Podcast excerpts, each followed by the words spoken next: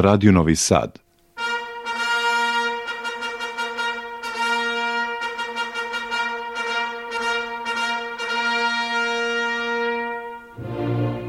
Soperske scene.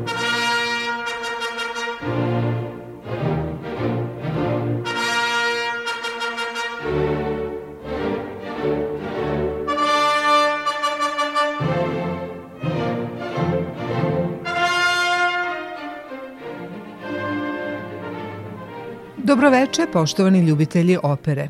Na jučerašnji dan, 2. decembra, navršilo se tačno 100 godina od rođenja najveće operske dive svih vremena, Marije Kalas. Ona je obeležila zlatno doba opere i danas mnogi sa setom konstatuju da vreme koje prolazi i prosto proizvodi sve više novih, sve savršenijih pevača, nimalo ne umanjuje markantnost njene pojave u kojoj su se čitavog života preplitali usponi i padovi u karijeri i privatnom životu. Ona je bila prva operska zvezda čiji su svaki korak u stopu pratili tabloidi željni skandala, jer su njen ogroman talenat i senzibilna kapriciozna čud magnetski privlačili publiku i punili kase operskih, ali jednako tako i medijskih kuća. Upravo ta vrsta glamura je u istoriji opere, odnosno njenom doživljaju i popularnosti donela najveći preokret. Marija Kalas je kao operska zvezda posredstvom novih medija kao što su film, televizija, audio snimci, štampa iz zatvorenog kruga aristokratije odjednom doprla do svih ljudi na planeti. Nomadska priroda vodila ju je tokom celog života između Njujorka gde je rođena i razvila svoju karijeru, Atine gde su koreni njene porodice i gde je pronašla najveću ljubav svog života, Milana na čijoj sceni skale je ostvarila prve uloge i dobila prve ovacije i Pariza u kom je u najtežim trenucima dobijala podršku svojih obožavalaca.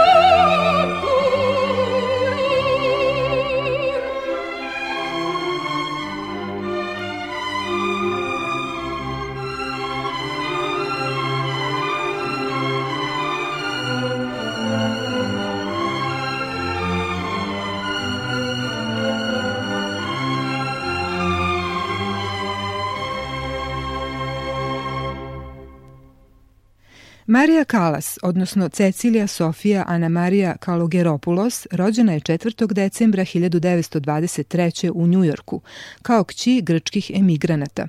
Georgesa, apotekara koji je ubrzo njihovo prezime promenio u Kalas i Evangelije, vrlo ambiciozne žene koja je želela da njene kćeri postanu zvezde. Detinstvo Marije Kalas nije bilo naročito srećno, jer su se Georges i Evangelija često svađali, a za svoju mlađu kćer, debelu i kratkovidu Mariju nisu previše marili. Zapravo, nadali su se sinu koji bi nadoknadio gubitak njihovog trogodišnjeg sinčića Vasilija. Prepoznavši da se u ružnom pačitu krije talenat, Evangelija je Mariju i njenu šest godina stariju sestru, zgodniju i simpatičniju Jakintu, koju su od milja zvali Džeki, slala na časove klavira i pevanja bez znanja njihovog oca. Te najranije godine života Marija je provela odrastajući u sestrinoj senci, no devojčica koja je od malena pokazivala zanimanje za muziku, već se sa 11 godina našla pred publikom učestvujući na jednom pevačkom takmičenju. Posle jedne velike svađe, bračni par Kalas se rastao, a Evangelija se s kćerkama vratila u Grčku. Na putu brodom u Atinu, tada 14-godišnjoj Mariji, društvo su uz majku i sestru pravile i tri ptičice, David, Stefanokos i Elmina. Priča kaže da je jedna od najvećih dama operske scene pevanje vežbala s njima, a da im je prstima nežno dodirivala vratove kako bi otkrila tajnu njihovog glasa. U Atini je Marija upisala konzervatorijum, a u Atinskoj operi debitovala je u svoje 15. godini kao santuca u kavaleriji Rustikani. Kasnije je izjavljivala da je više naučila od svog voljenog kanarinca Davida nego od profesora u toj školi. Pevanje za mene nije pitanje ponosa, nego samo pokušaj da se uzdignem prema prostorima gde vlada harmonija, često je govorila Marija Kalas uvek je težila savršenstvu u operskoj umetnosti, a za to je imala i sve pretpostavke. Ogroman prirodni talenat, impresivan glas raspona od soprana do mezzosoprana, savršenu muzikalnost, urođen instinkt za muziku, izuzetnu memoriju i čvrstu volju. Uz to bila je i neverovatno marljiva i nikad nije prestajala da uči.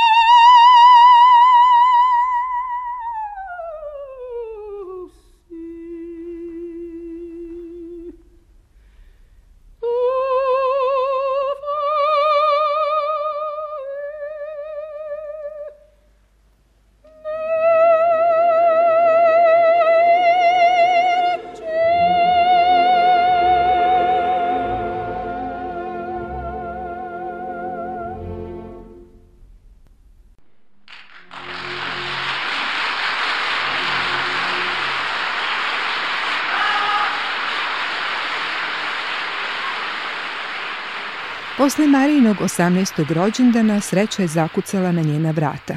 Zamenila je obolelu primadonu i pevala tosku uz gromoglasno odobravanje publike koje je zajedno s njom uglas interpretirala Vizi d'arte, vizi da more. Živala sam od umetnosti, živala sam za ljubav.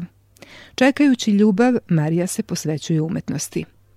Ona je u punom sjaju zasijala na otvaranju sezone 1951-52. u Milanskoj skali ulogom Helene u tada vrlo redko izvođenoj Verdijevoj operi Sicilijansko večernje. Upravo je skala bila pozornica njenih najvećih uspeha i slave, ali i mesto čuvenog suparništva s takođe čuvenom sopraniskinjom Renatom Tebaldi, koja je punilo štampu onoga vremena. Razdoblje između 1952. i 57. godine su zlatno doba Marije Kalas.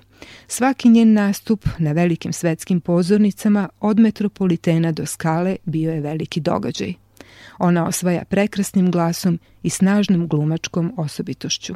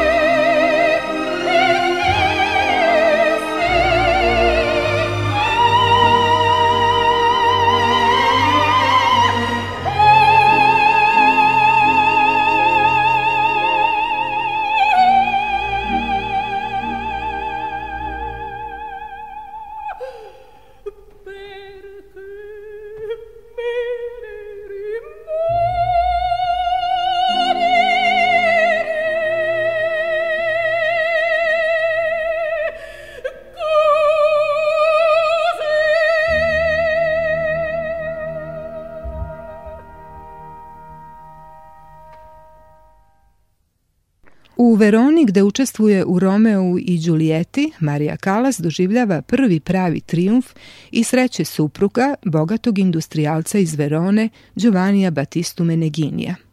Sa 30 godina starijim Meneginijem, Marija Kalas je sklopila, kako je sama govorila, svojevrsni ugovor o poslu i osjećanjima. On je obećao da će brinuti o njoj i plaćati sve njene troškove, a ona mu je ponudila svoju mladost i ljubav. Istovremeno ona dobija i prvog impresarija u osobi šefa orkestra Tulija Serafina, koji briljantno upravlja njenom karijerom, vešto plasirajući Marijine glasovne mogućnosti. Marija genijalno izvodi i lake, ali i teške uloge. Ona je u istom mesecu Norma, Đilda, Abigaila, Brunhilda bez straha za vlastiti glas. Ona će kasnije skupo platiti ove eksperimente, ali trenutno novac dolazi sa svih strana – Umetnica je najbolje plaćena operska pevačica u Italiji. To njoj ne smeta da se posveti svom najomiljenijem hobiju, kuvanju. Isprobavajući razne recepte i uživajući u jelu, ona je uskoro dostigla težinu od neverovatnih 100 kg. Samo i pored neuglednog izgleda, ona je osim božanstvenog glasa posjedovala i neverovatan glumački talenat. Godine 1949. uspela je preći sa Wagnerove muzike na Belinijevu za samo tri dana. Dvostruka interpretacija revolucionirala je operu. Kritičari pišu kako nije daleko od umiranja svaki put kada peva i glumi Violetu. Istovremeno čulna i hladna, Kalas postaje Madonna homoseksualaca. Jedan od njih, zvučnog imena, Lukino Visconti, postaje njen treći pigmalion – Slavni reditelj želi da Kalasova, koju ljubazno upozorava kako mora smršati, interpretira nekoliko junaka iz dela genijalnog Verdija. Pet godina ovaj neobični par je pravio najuspešnije predstave o operskoj umetnosti, obišavši planetu. Visconti preobražava sopraniskinju, oblači je u boje noći i ljubavi. Marija ne samo da je postala vitka, nego je postala elegantna, nosi sofisticiranu punđu – Satima se uređuje i skoro ništa ne jede. Biserno siva postaje najzastupljenija boja u njenoj garderobi. Spremna je za novi svet, kog namerava zavesti, posebno njujorčane, koji je nisu dobro primili za vreme prvog nastupa. Oprezna umetnica sledi savete nepogrešivog reditelja, ali i upozorenja starog mudraca Serafina. Uspeva preći od interpretacije Ifigenije na ulogu Lučije – Sreća se nanovo smehuje Mariji Kalas kada je došla era gramofonskih ploča. Pojavljuje se hi-fi. Na vrhuncu lične reputacije Kalasova pobeđuje sve rivalke. Odstranjuje Renatu Tebaldi za koju tvrdi da nije programirana za uspehe. Možda, odgovorila je ova druga, ali zato posedujem ljudsko srce – Što se tiče ovog zadnjeg, Mariji se dogodilo najgore. Zaljubila se u Viskontija, kome priređuje scene oštre ljubomore, radi neprestanog prisustva njegovih ponekada jako mladih muških pratilaca.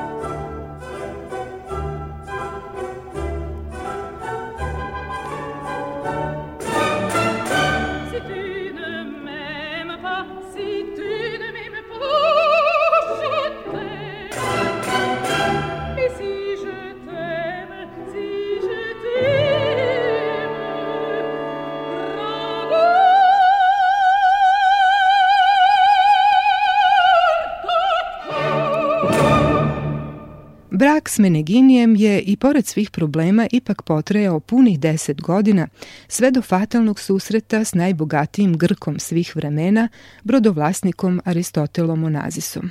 Ari, kako ga je zvala, i Marija Kalas prvi put su se susreli na jednom venecijanskom balu. On je tada imao 53 godine i iza sebe brojne ljubavne veze, a njoj su bile samo 33.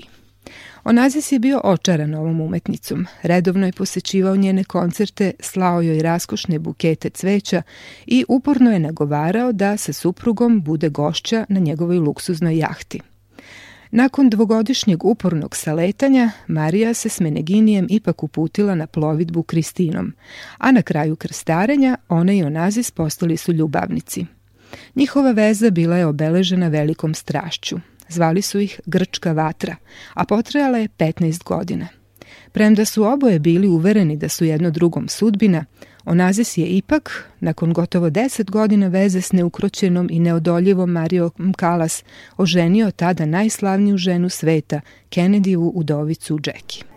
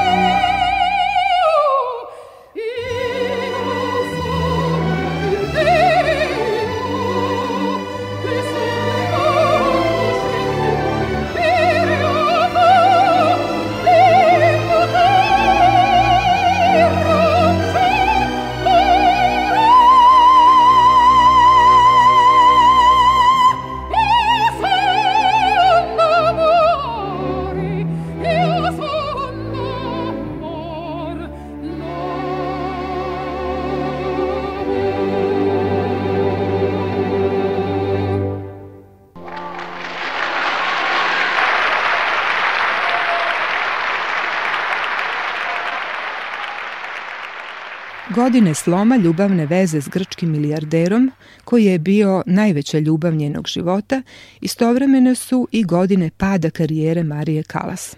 Operska diva povlači se iz javnosti i polako gasne.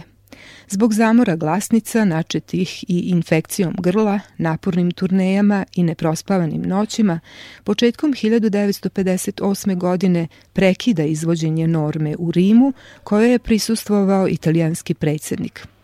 Iako će još nastupati, u junu 1962. godine Marija Kalas je otpevala svoju poslednju ulogu u Skali i otišla u Pariz gde je počela da sarađuje s još jednim velikim dirigentom, Žoržom Pretrom. Nastupi na svečajnom izvođenju Toske pred kraljevskim zvaničnicima u londonskom Covent Gardenu 1965. u Pariškoj olimpiji iste godine kada je pevala pod sedativima i pred kraj trećeg čina norme se srušila To su poslednja pojavljivanja Marije Kalas na sceni.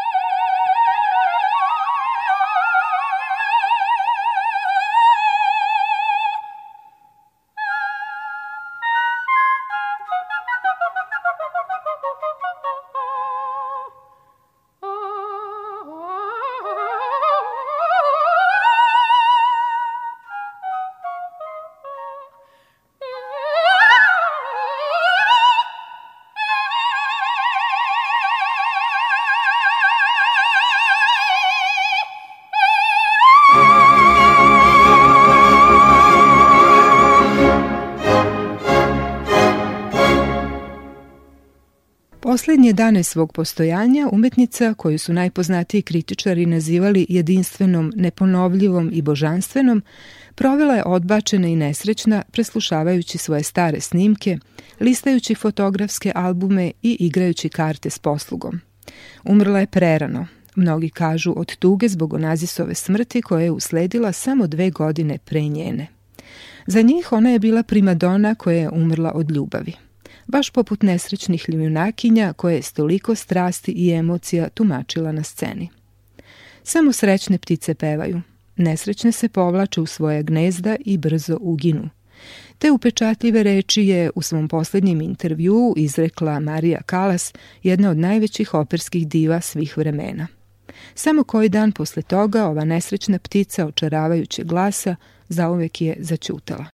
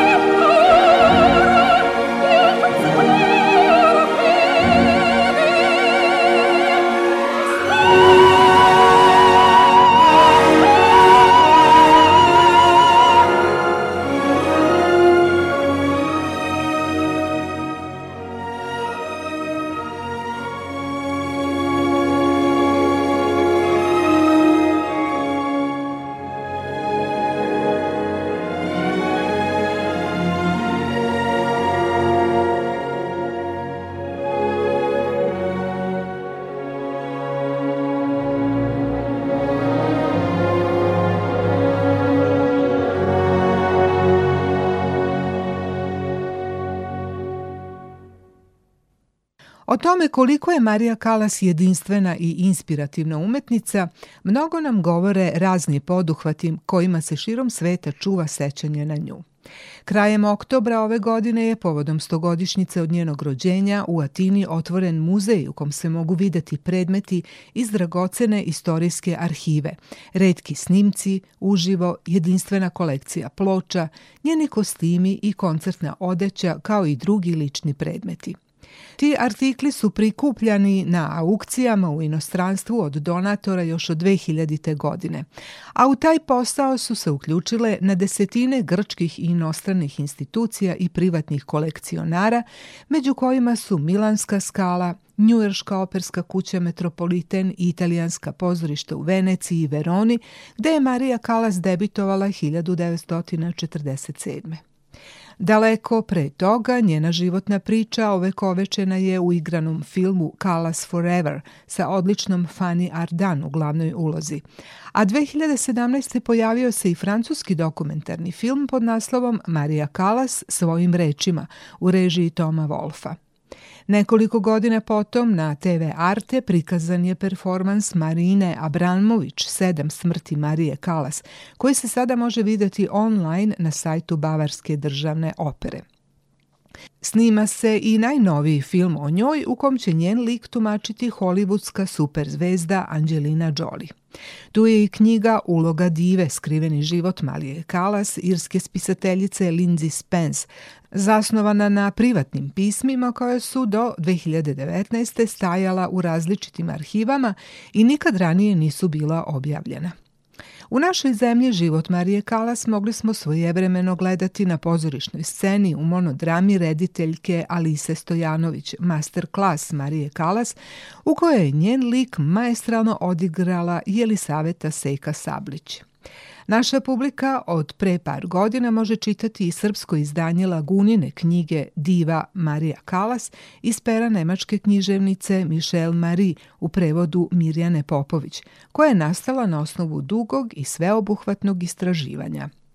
Kroz sve to, jedna umetnica je odavno prerasla u mit. Oli, oli,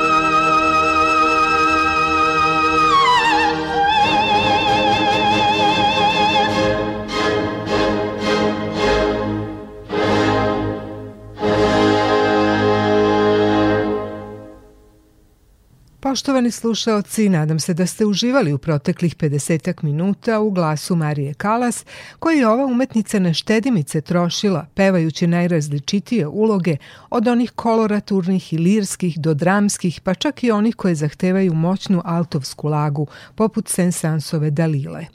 Za to je platila visoku cenu, kako glasom koji je rano izgubio prvobitnu moć, tako i narušenim zdravljem i nervima – Umrla je u 53. godini, a njen pepeo je prema njenoj želji bio rasut po Egejskom moru. I tu je kraj večerašnje priče u emisiji sa operske scene. Moje ime je Olena Puškaš i ja vas pozdravljam iz studija Radio Novog Sada i želim vam prijatan nastavak nedeljne večeri uz naš program.